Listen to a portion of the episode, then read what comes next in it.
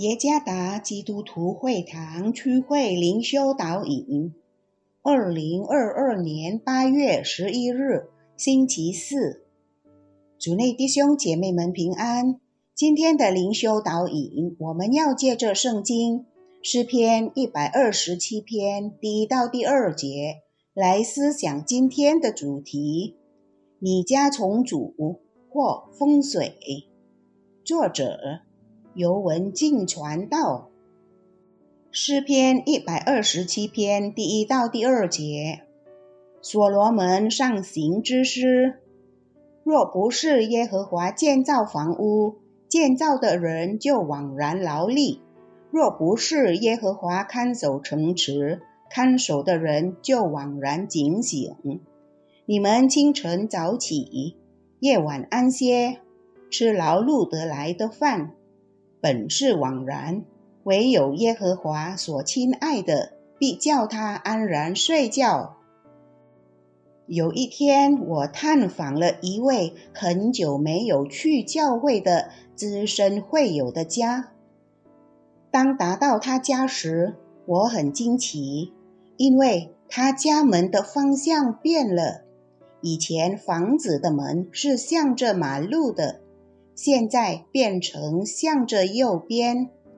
当我问其原因时，他们不好意思地回答：“他说，根据风水专家的说法，门向着前方会给他们的家人带来灾祸。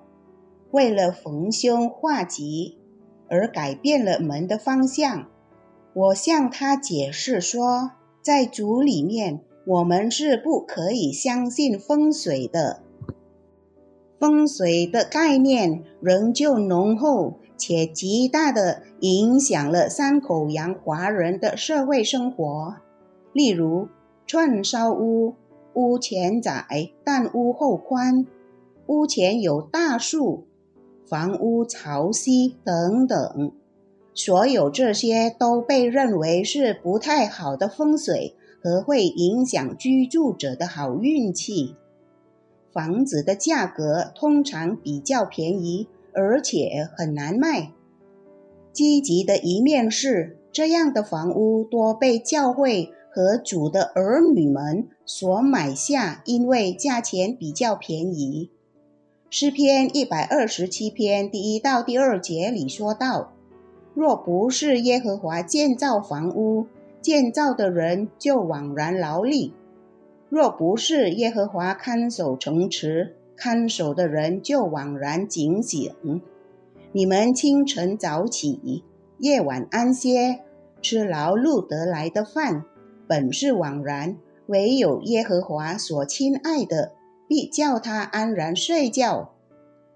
这意味着没有主，人类建造房屋的努力和智慧。都是徒劳的。也许建筑物已经建成，但难免会发生许多的问题。在使用组织外的能力来建造房屋的，要小心。其后果是，组织外的掌权者也跟随同住在这房屋里。当完工后，那房屋将发生许多的问题。当我们想要建筑或装修房屋时，请记得向主祷告为开始，为一切所做的工程求主带领和祝福。在你每一项的计划中都有主的参与，并信靠他。主将赐福给那些常常为房屋、商店、经商的场所祷告。即交托给组织信靠他的儿女们，所有的福分和好处只有从主而来，而不是来自风水。与主一同来开始你的每一个项目，而不是依靠风水。主耶稣赐福。